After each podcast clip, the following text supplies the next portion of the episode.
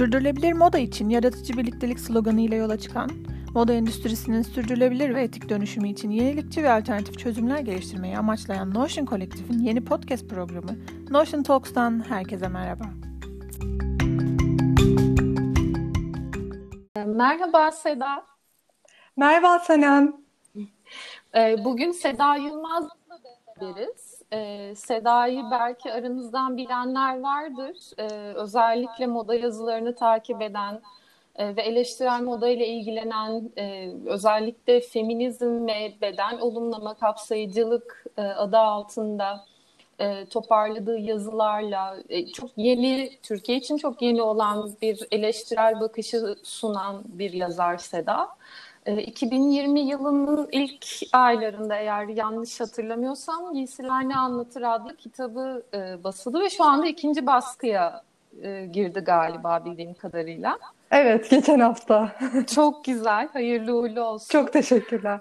Ee, Seda Yılmaz'ı çok aslında Türkiye'de bilinen, çok oldukça ünlü bir moda yazarı olarak e, biliyoruz ama e, bir de dinleyicilerimize senin ağzından sen kendini tanıtır mısın? Evet.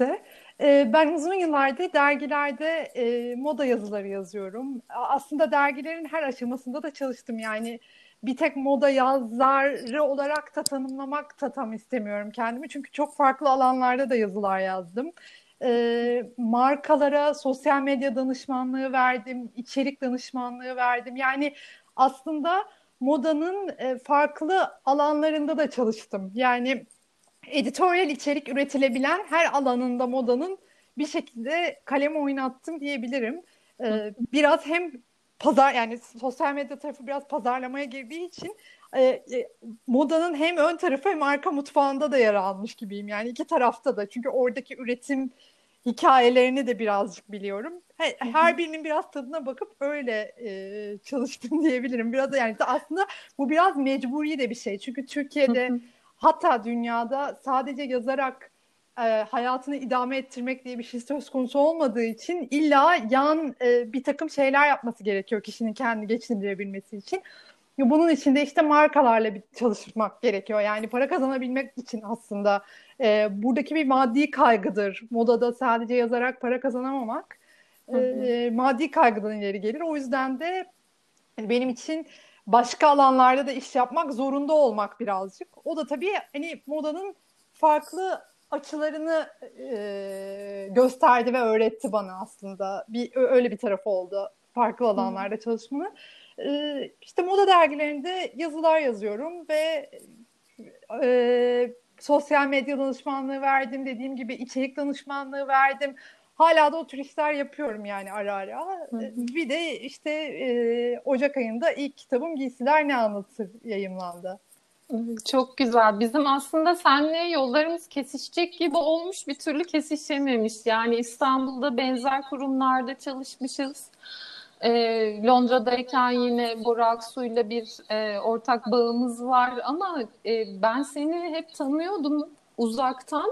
Sonra şey e, kitabın çıktığı zaman aa dedim bu Seda Yılmaz o Seda Yılmaz. Hatta şey pandemide karantina döneminde aslında şey okuduğum ve aklımda kalan e, kitaplardan bir tanesi oldu.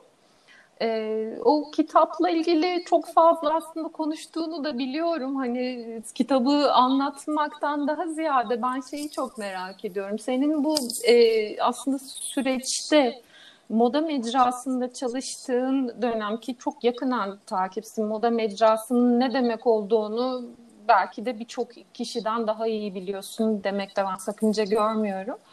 Ee, bunun ya moda nasıl bir mecra, işleyişi nasıl, hiyerarşisi nasıl, sen nasıl yorumluyorsun?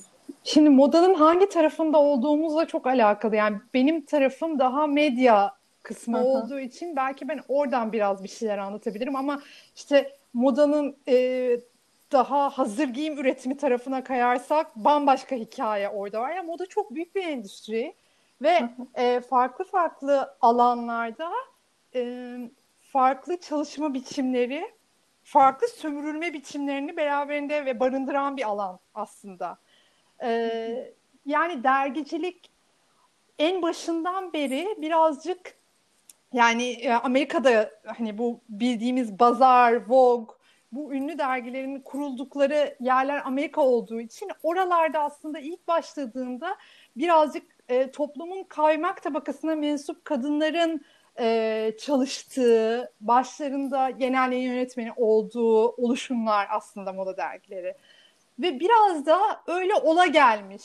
Yani bugüne geldiğimizde de biraz moda dergiciliği hani hobi gibi e, e, bir şekilde aileden zengin ya da e, işte kocadan zengin bir kadının sanki yan uğraşı gibi de e, görülen bir tarafı var. Çok elitist bir tarafı var. Geçtiğimiz günlerde bu e, Kondenas'taki e, nasıl bir elitizm olduğunu ve nasıl beyazlık ve elitizm üzerine kurulu bir sistem olduğunu anlatan bir makale yayınlandı New York Times'da. Ve işte hani bir şekilde azınlık olduğunda e, Amerika'da kondenast işleyişinden söz ediyorum elbet. E, siyah olduğunda, azınlık olduğunda nasıl e, ilerlemenin daha zor olduğu, işte ancak belirli ailelerin e, çocukları, belirli eğitim seviyeleri, belirli bir ekonomik imkandan gelebilmek gibi bir takım e, bazı şeylerin olması gerekli gibi bir durum söz konusu. Yani hala bugün aslında dergiciliğin o en başında kurulduğu halinden izler taşıdığını söyleyebiliriz. Hatta aynı makalede şöyle söylüyor. Ee, içeriden biriyle isim vermeden bir röport bir yani e, alıntı yapmışlar. Diyor ki biz hani bir çekime bakıp bu çok vogue, bu hiç vogue değil deriz. Bu da bizim dilimizde şu demek. E, beyaz, ince ve zengin. Yani birine bakıp e, bu şekilde yargılıyorlar ve kriter bu yani. Aslında bu bile hani dergilerin bugüne kadarki işleyişi için çok şey söylüyor. Bugüne kadarki diyorum çünkü e, sanıyorum son 10 yılda da müthiş bir değişime zorladı sistem dergileri ve moda dünyasını tamamen. E, nedir işte örneğin Harper's Bazaar 153 senelik tarihinde ilk kez siyah bir yayın yönetmenine sahip oldu Amerika'da. Ve düşünebiliyor musunuz? 153 yıl boyunca hiç siyah yayın yönetmeni gelmemiş derginin başına. Yani bu siyahlar e, daha az e, eğitimli ya da yetkin olmadıkları için değil, gerçekten önleri kesildiği için. Yani sistem biraz öyle ilerlediği için. Yani Türkiye'deki de şimdi çok Amerika üzerinden de anlatmayayım. Ee, biraz böyle o zaman da uydu gibi anlatmak oluyor ama e, hani biraz oradan hikaye e, doğuyor ve dönüyor diye anlatıyorum aslında bakarsan. E, tabii Türkiye'de de aynı şeyleri konuşabiliriz. Yani belirli benim de hani dergiciliğe ilk başladığımda da hissettiğim şey oydu. Belirli okullardan mezun olmuş olan bir şekilde belirli aile e, orta sınıf, orta üst sınıf ailelere mensup e, kadınların ağırlıklı olarak çalıştığı ortamlarda dergiler yani. Elbette bugün değişiyor ve e, elbette bunların dışında istisnalar da her zaman oldu. Ama e, sanırım elitist o elitist ortamlar olduğunu kimse inkar edemez. Doğru söylüyorsun. Yani aslında şey de çok enteresan değil mi? Buna, bunun kırılmaya başladığı bir döneme de tanıklık ediyoruz şu anda. Bu tamamen tabii topyekun kalkmış değil. Ee, ama e, yani Vogue'un baş editörü Anna Wintour'un da çıkıp kendisinin aslında şey bir günah çıkarma şey e, yazısı vardı zannediyorsam hatırlıyorum onu da bahsetmişti yakın bir dönemde. E, veya Harper's Bazaar'dan verdiğin örnek gibi. Bu şeyde moda medyasında bunların böyle küçük küçük kırılmaya başladığını görüyoruz aslında. Çünkü e, biraz daha bir bilinçlenme söz konusu ve daha modanın nasıl politik bir mesele olduğu daha gündemde aslında. Önceden bu o kadar dile getirilmiyordu e, senin bahsettiğin gibi çok kalbur üstü bir e, kesimin e, yönettiği ve sadece o kesime hitap eden bir e, alanken bunun aslında alaşağı edilmesi gerektiği çok tartışılıyor şu anda günümüzde. Bunun tabii bir sürü dalları var. Yani feminizmden tutup kapsayıcılığa, sürdürülebilirliğe kadar bir sürü alt temada tartışmalar yürütülüyor. Ee, mesela senin kitabında da benim ilgimi en çok çeken şeylerden biri oydu. Yani senin modayı ne kadar sevdiğini de görüyoruz kitapta. Ama aynı zamanda bir o kadar da e, eleştirilecekse hani orada da varım dediğin bir e, tutum var. E, bu süreç senin için nasıl işledi? Aslında hani bireysel olarak senin kendi gözlemlerin ve dışarıda dışarıya yönelik gözlemlerin neler? Onları duymak istedim. Ee, ben aslında dergicilik yaptığım yani ben çok ciddi bir tüketiciydim. Ciddi bir moda alış yani moda alışverişi, giysi alışverişi çok yapan biriydim. Ama e, öyle bir şey ki onu yaparken de kendimi sorgulardım. E, kendimi sorgulayan bir tipim. Yani yaptığım davranışlarımı, eylemlerimi sorgula, sorgulamaya meyilliyim yani. Ve onu yaparken de e, kendi kendime ben ne yapıyorum dediğim zamanlar olurdu. Çünkü çok alıyordum. Çok fazla kıyafetim vardı. Çok fazla ayakkabım vardı. Çok fazla aksesuarım vardı. Hepsi benim e, bir ömürde giyebileceğimin çok çok çok fazlasındaydı. Sıra gelmiyordu kıyafetlere. Ama tabii birazcık bu dergide tam zamanlı olarak çalışmanın da getirdiği bir e, şeydi. Çünkü işte daha fazla o defileler, trendler onlarla çok daha ona çok daha fazla maruz kalıyorsunuz. Tabii ki de e, modayı dışarıdan takip eden birine göre.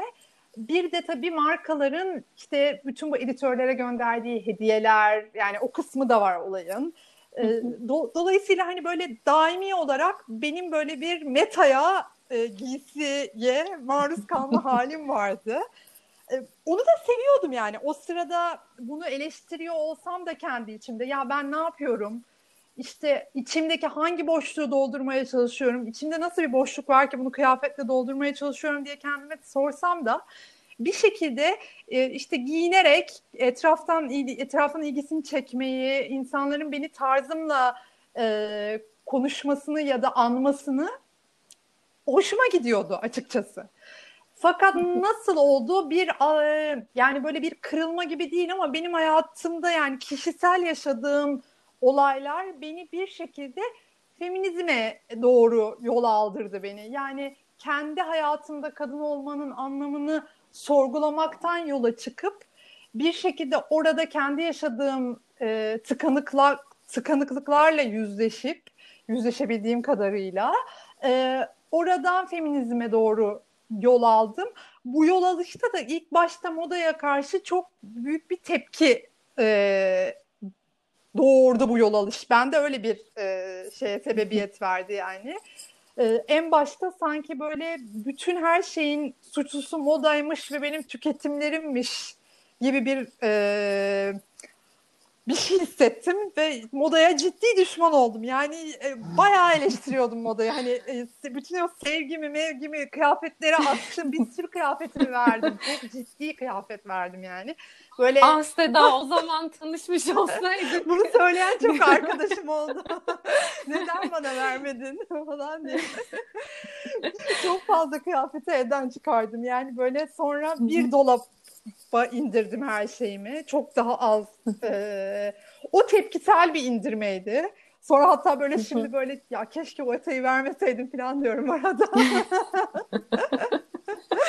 ee, ama e, tabii öyle olması gerekiyordu. Çünkü bir o yolu alırken hani ilk baştaki o tepki de insan yıkıcı olur ya. Sanırım evet. o yıkıcılıkla hareket ettim ilk başta. Sonra sonra işte nasıl feminizmi okudukça, feminist kitaplar okudukça, kadınlarla tanıştıkça ne bileyim bir kadın dedi ki bana yani sen feminist feminizmi benimsiyorsun diye makyaj yapmaman gerekmiyor.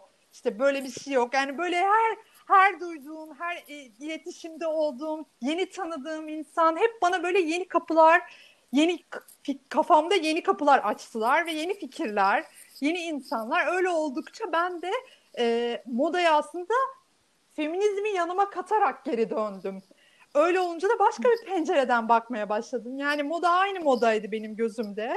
Ee, yani ki hani dediğim gibi aslında tam zamanlı çalışırken de tüketimi eleştiriyordum. Ee, neden bu var diyordum modayda ama bugünkü eleştirelliğimin olduğu nokta daha bilinçli ve ele, ayakları yere bak, basan belki bir e, eleştiri diyebilirim. O zaman tam e, anlamlandıramıyordum ya da tam konumlandıramıyordum eleştirimin yerini. Şimdi nerelerde e, en azından şimdilik nerede durduğumu biliyorum ve o durduğum yerden en azından sorular sormaya ve sorgulamaya çalışıyorum. Ben aslında çok güzel bir şey değindin çünkü benim de düşündüğüm bir konu var uzun zamandır. Yani modayı eleştirirken ben de sürdürülebilirlikle ilgilenmem aslında. Hani seninkine çok benzer bir e, yol izledi. E, kendi yaşadığım şeylerle ilgili olarak modayı sorgulamaya başlamış oldum.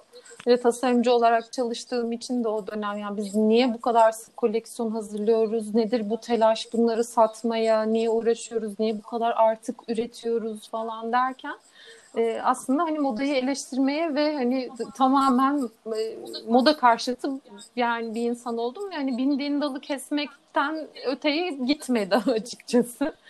Ee, ve şey eleştirirken de aslında hiçbir zaman şunu tartışmadığımızı fark ettim. Modanın ne kadar kötü bir sistem olduğunu, ne kadar hiyerarşik olduğunu, ne kadar yıpratıcı ve sömürüye yönelik olduğunu tartışıyoruz ama e, eleştirel bakış açısı içerisinde şu hiçbir zaman çıkmıyor. Yani moda aslında çok da hoş bir şey. Yani hepimizin giyinmekten, kuşanmaktan çok zevk aldığı, e, çok sihirli bir alan ve yani bir anlık bir dokunuşla küçücük bir e, şalın ya da fuların boynumuzda bıraktığı hissiyatla giysiler aslında çok önemli ve dönüştürücü bir etkisi de var.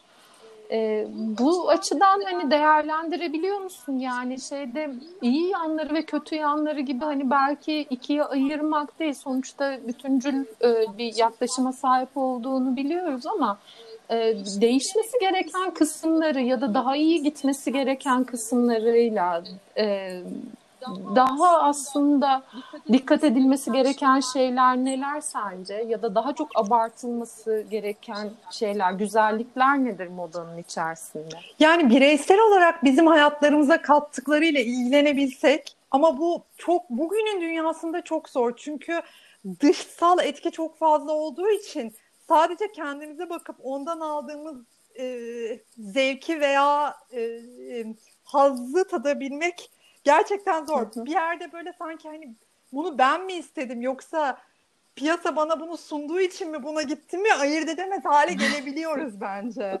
Ee, yani evet, mesela doğru. ne bileyim ben pandemide e, evde otururken bir şekilde işte e, ekolojik e, şeylere, iç çamaşırlarına bakayım. Merak saldım. O markadan o marka yani Türk Türk markalarda çok çoğalmış bu alanda. O markadan o markaya bir baktım hiç ihtiyacım olmadığı halde bir şekilde o Instagram'da bana reklam mı düştü? Bir şeyler oldu. Kendim öyle şeyler alırken buldum mesela.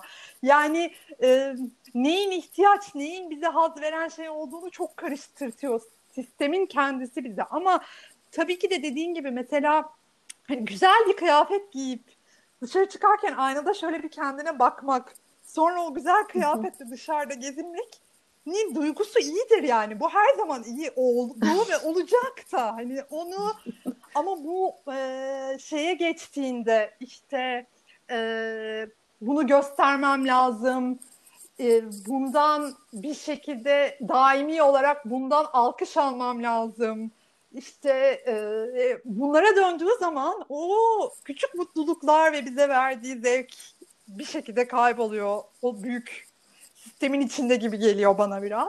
Yani nelerin değişmesi lazım? Çok şeyin değişmesi lazım bence. E, bir kere hani e, en başta bu hızlı moda markalarının üretim şekillerinin e, onların ürettikleri e, gelişmekte olan ülkelerin e, ülkelerdeki e, üretim alanlarında çalışan insanların ki çoğunluğu kadın bu, bu kadınların çalışma şartlarının iyileştirilmesi sanıyorum e, ilk birinci değişmesi gereken e, bu olduğunu düşünüyorum ben. Çünkü e, bizim çok uzağımızda ve ötemizde kaldığı için sanki göremiyoruz ve o yüzden de hiç bizle ilgili bir konu değilmiş gibi geliyor. Ama yani biz sanki işte bir tane e, sürdürülebilir tişört aldığımızda çok rahatlıyoruz. O bireysel iyi bir şey yapma hissi.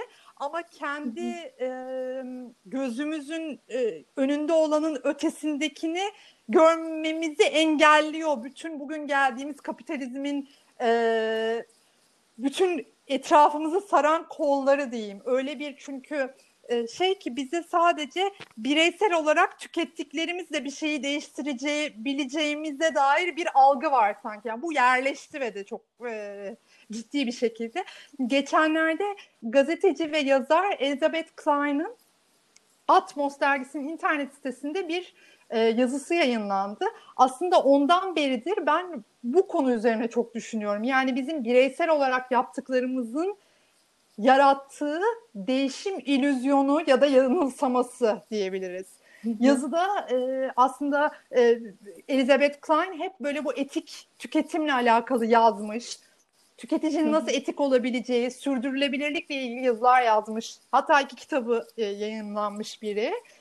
Ama bir şekilde bu yazısında bir öz eleştiri verdiğini, kendi yazdığı kitaplara da e, ö, ö, eleştirel bir gözle baktığını ve bütün bu hatta yazı şöyle açılıyor. Pandemi esnasında Gap'ten iki tane e, işte pijama, eşofman bir işte pijama takım sipariş veriyor ki normalde hani vejetaryen besleniyor, sadece etik kıyafetler alıyor e, ve bir anda e, diyorsunuz ki nasıl oldu yani böyle bu, böyle böyle yaşayan bir kadın hani bütün e, bugünün etik tüketici kurallarına riayet ederek yaşarken bir anda gidip Gap'ten alışveriş yapıyor. Acaba ne oldu ki diye okumaya başlıyorsunuz yazıyı.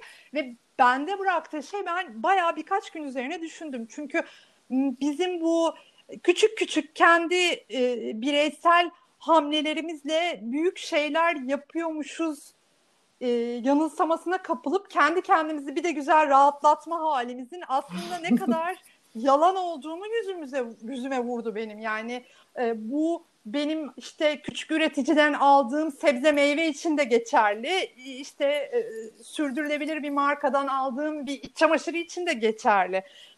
Diyor ki Elizabeth Klein çünkü e, bu, ben size hani gidip de tamam diyor hızlı moda markalarına bütün paranızı yatırın demiyorum ama buralardaki eşitsizlikleri görün.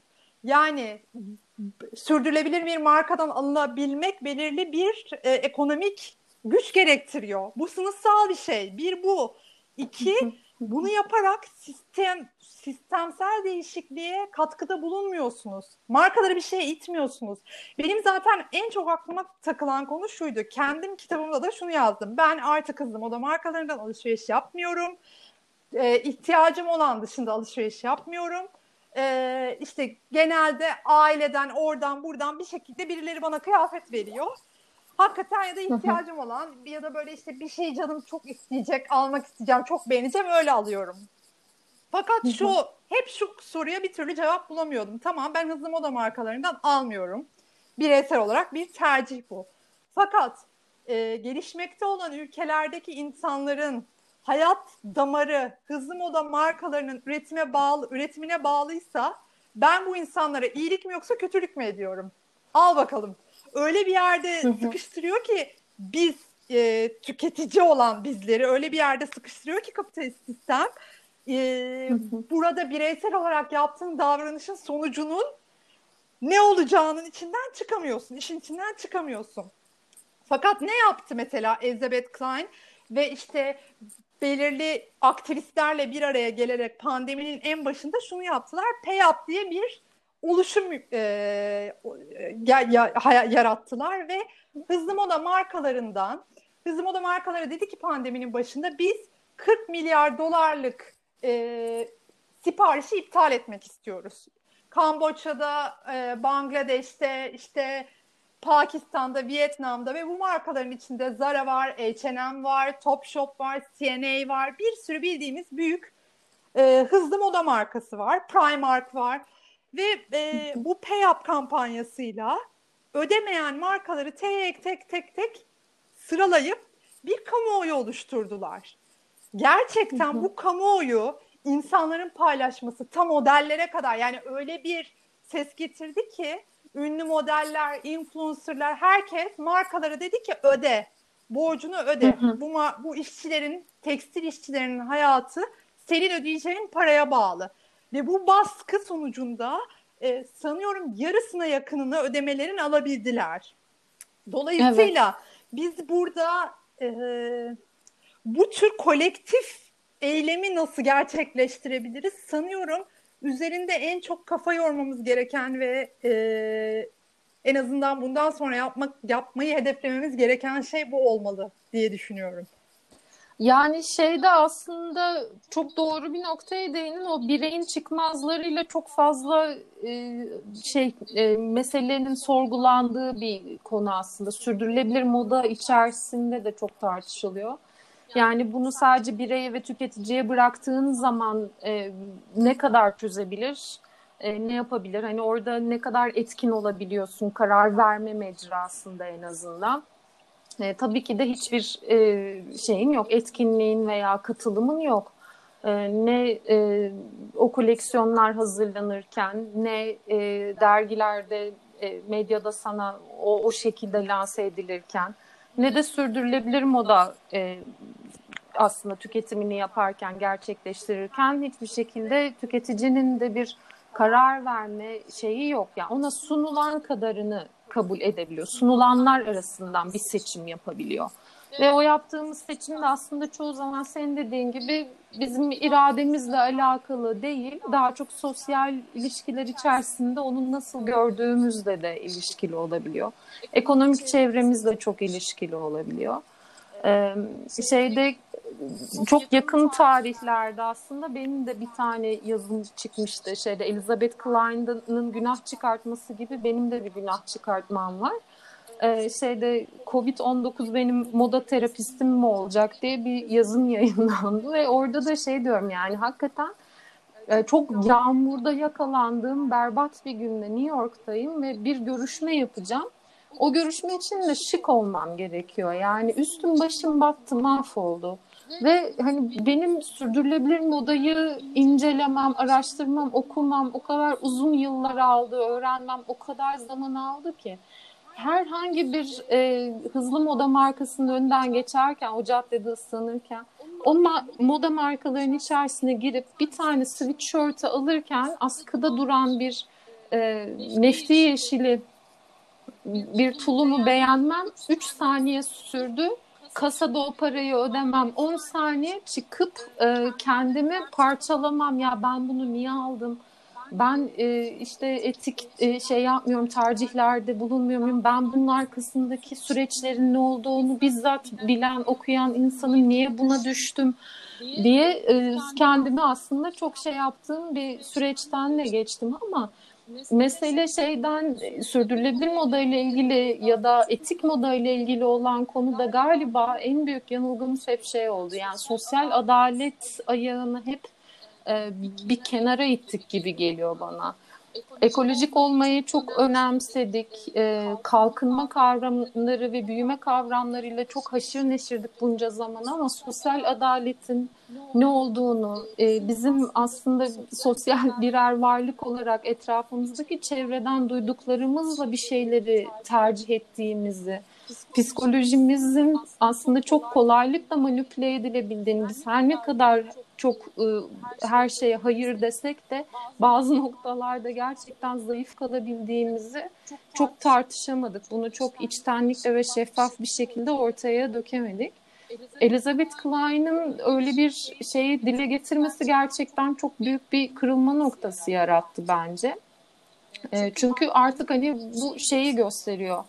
Ya bu konuda çok uzun yıllar çalışmış, tartışmış bir insanın bile hani yani e, çuvaldızı da kendime batırırım, iğneyi de kendime batırırım. Bunu yapacaksa hani ben yaparım zaten diyerek kendini ortaya atması gerçekten önemliydi. Çünkü bazı yerlerde sanki böyle bir kandırmacaya da gidiyor gibi bu durum. Bana öyle geliyor. Ee, belki hani sen onu medya alanında daha net gözlemliyor da olabilirsin.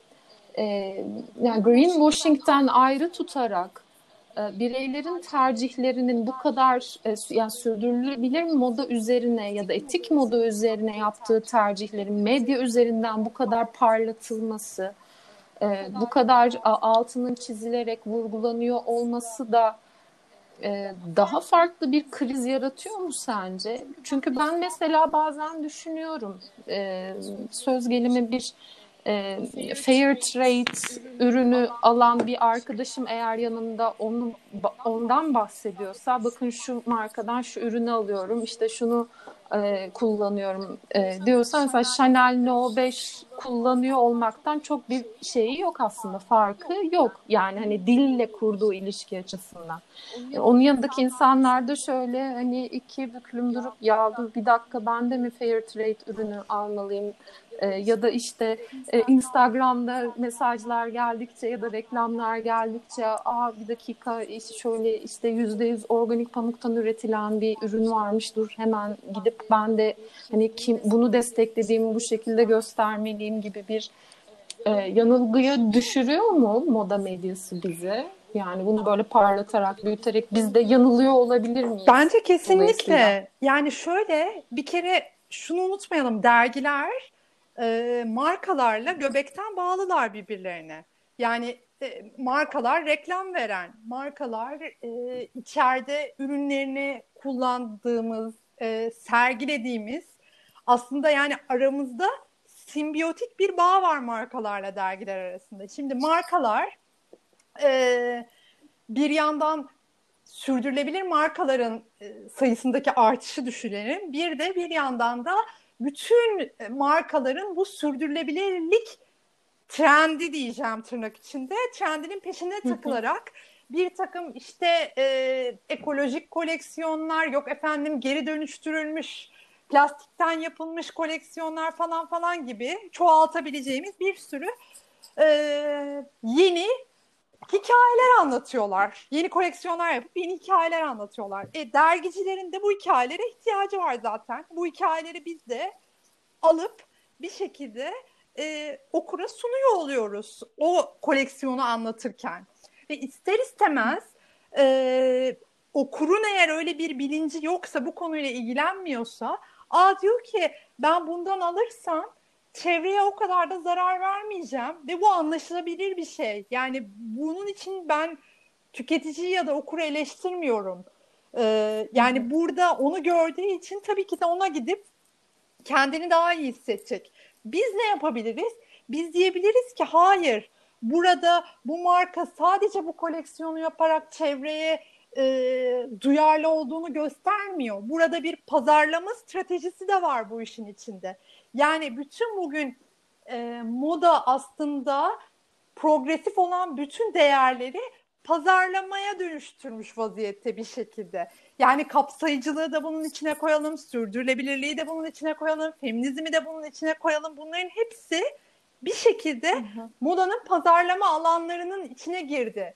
Bugün toplumun içinde bulunduğu e, yani zamanın ruhundan ötürü bu böyle. Kuşakla çok ilgili. Z kuşağının e, geliyor olması ve onların tercihleriyle çok ilgili tabii ki de.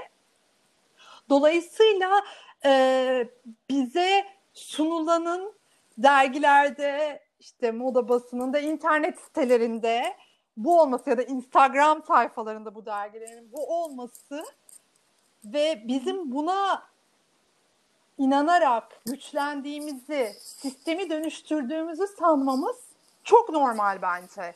Fakat e, gerçekte bu dönüşüm bu kadar hızlı olmuyor. Sanıyorum en büyük zararı şurada veriyor. Bu e, bütün bu akımların kullanılıyor olmasının en büyük zararı değişimin çok hızlı olduğu yanılgısını yaratabiliyor. Yani işte 153 yıldır Harper's Bazaar'ın başına bir siyah yayın yönetmeni gelmemiş. Bunu şeyde de düşünün. Dergilerin içlerindeki siyahların temsili, e, ince beyaz kadının dışındaki kadının temsili.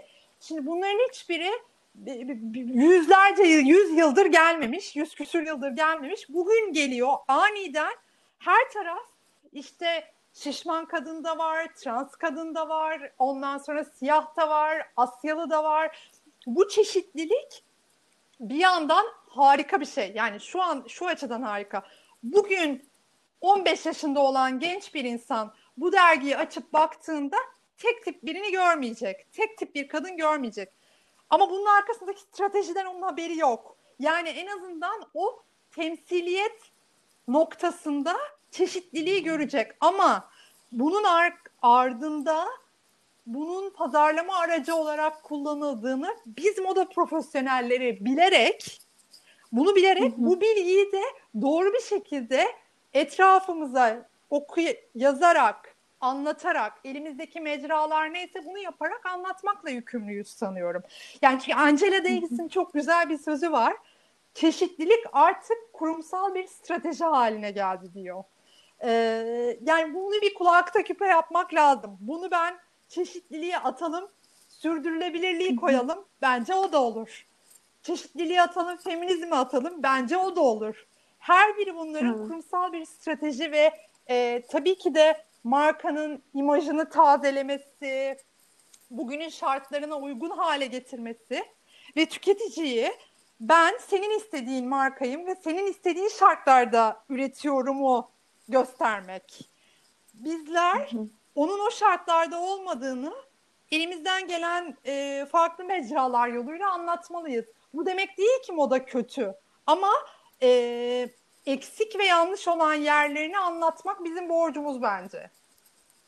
Evet doğru söylüyorsun.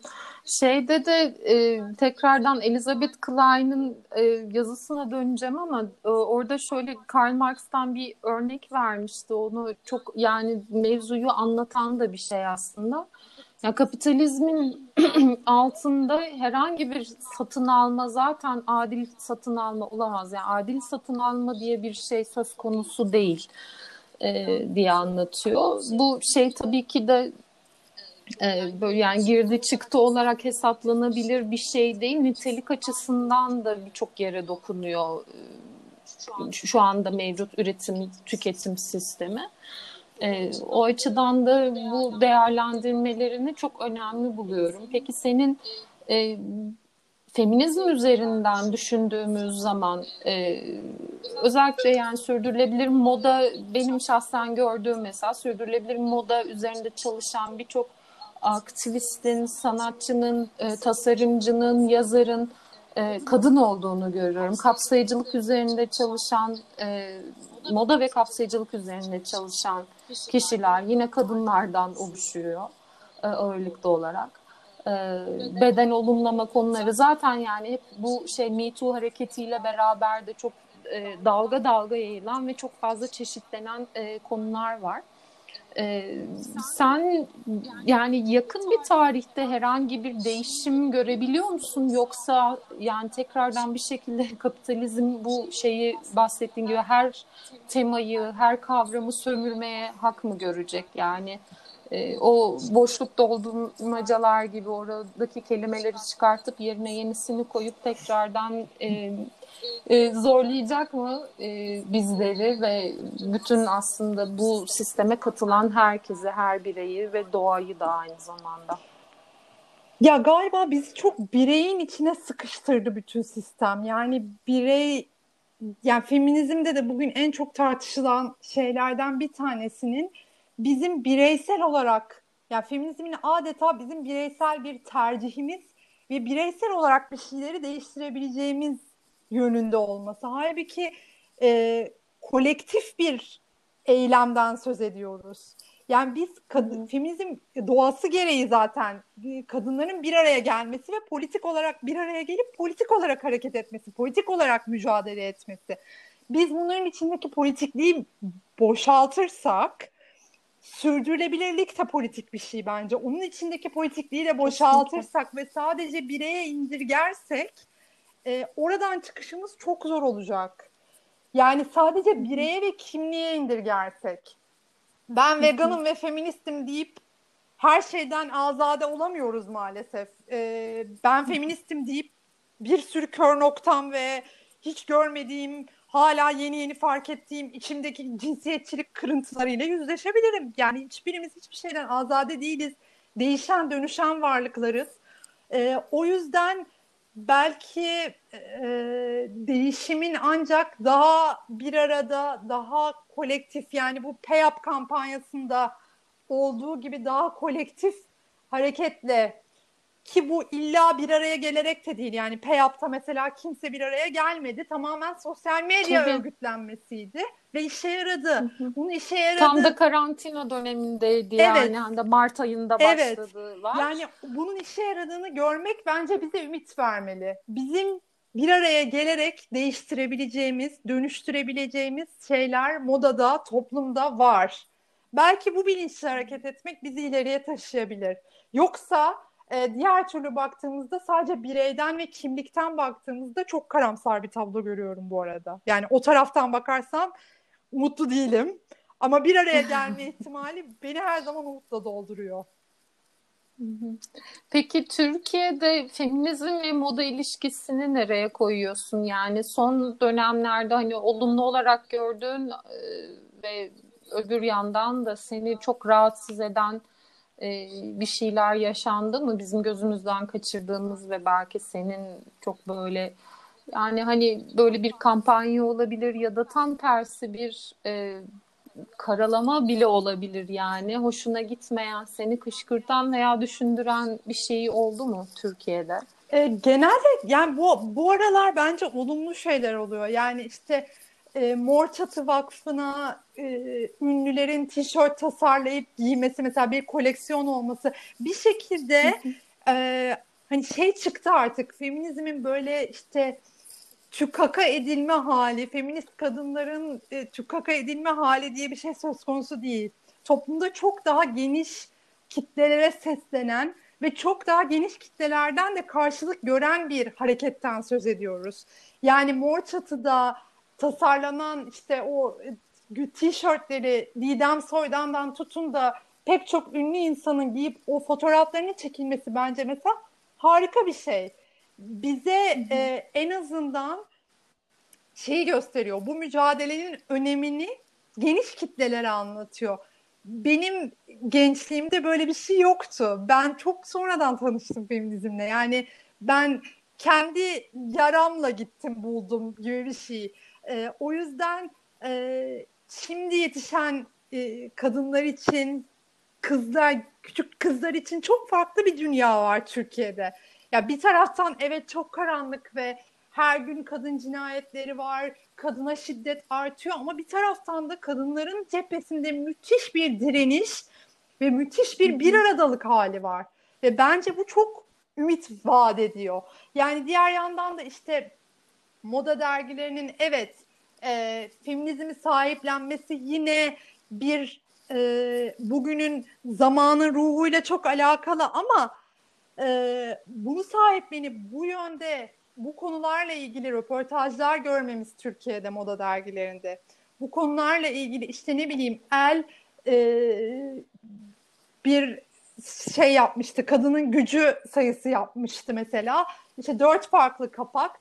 Biz engelli bir sporcuyu da gördük o kapakta. E, yani dolayısıyla hani bu çeşitlenmeyi görmek ümit veriyor bana her şeye rağmen. Her ne kadar zamanın ruhu ve bunu anlamadan yapıyor olma ihtimallerini de işin içine katarak söylüyorum bunu ama en azından e, okurda bir okurun içine bir, bir, bir, bir tohum atılıyor. Veyahut da işte o Mor Çatı'da Didem Soydan'ın e, ünlü Ezgi Mola'nın o tişörtleri giyip o fotoğrafları vermesi e, çok daha farklı yerlere o sesi ulaştırıyor.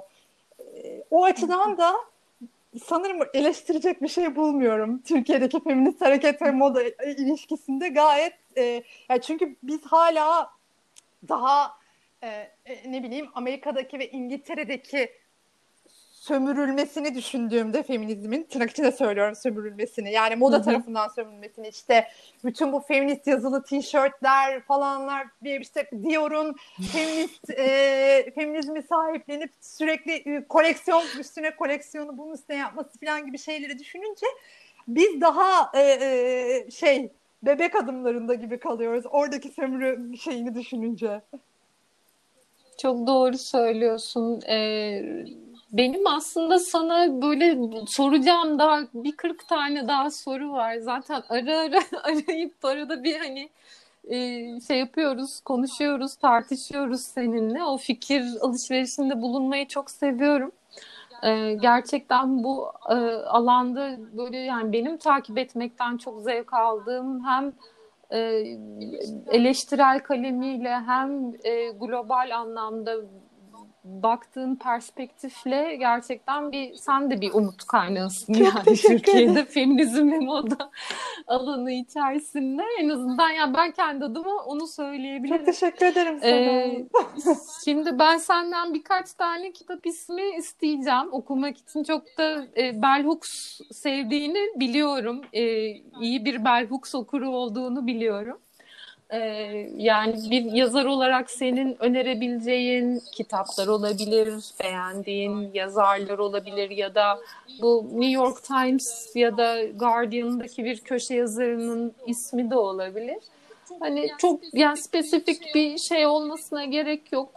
Önerebileceğin bizim bu konuyla ilgili daha fazla okuyabileceğimiz e, acaba kitaplar var mıdır? Ee, Şölen Kipöz'ün editörlüğünü yaptığı Sürdürülebilir Moda kitabını tavsiye ederim. Hı hı. Orada e, aslında farklı farklı yazarların yazılarını bulacaksınız içinde.